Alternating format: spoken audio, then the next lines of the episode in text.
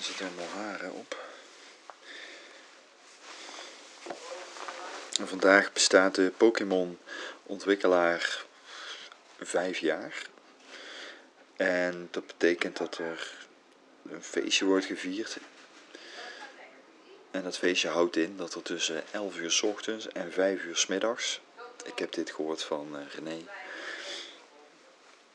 Ja, speciale Pokémons te vinden zijn. Uh, dat er speciale raids aan de gang zijn. Allemaal dat soort dingen. Wat dus ook betekent dat ik tussen 11 en 5 de straat op moet. Om daarmee bezig te zijn. En dat zit er vandaag eigenlijk niet zo in. Het is zondag. Het is nu half elf. En ja, het is ook gewoon een beetje een gezinsdag. Dus om nu te zeggen, jongens, adieu, ik ga buiten Pokémons vangen. Dat voelt niet goed. Dus ik twijfel daar een beetje over of ik dat uh, nu wel of niet ga doen.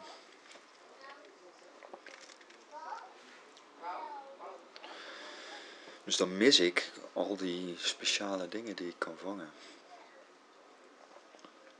Gisteravond ben ik trouwens uh, toch nog even de straat op gegaan. Ik kon het niet laten, want ik zag op de radar dat er zo'n zo'n zebra-paardje met een bliksemflitsje op zijn hoofd ergens in de buurt zat.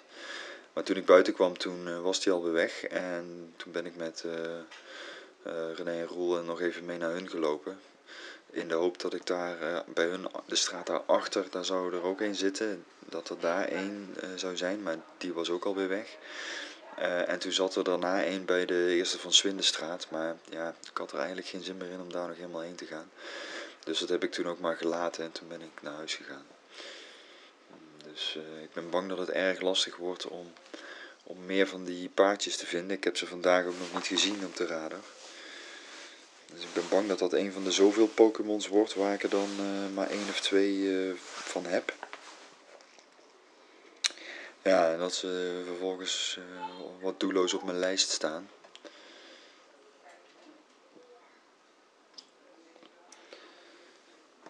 Ja, te wachten tot ik ze weer eens tegenkom of totdat ze uit de ei kruipen.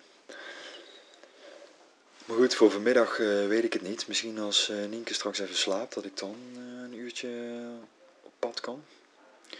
Maar er zijn ook wel andere dingen die ik wil gaan doen. En ik merk ook wel dat, dat sinds ik dit journaal bijhoud,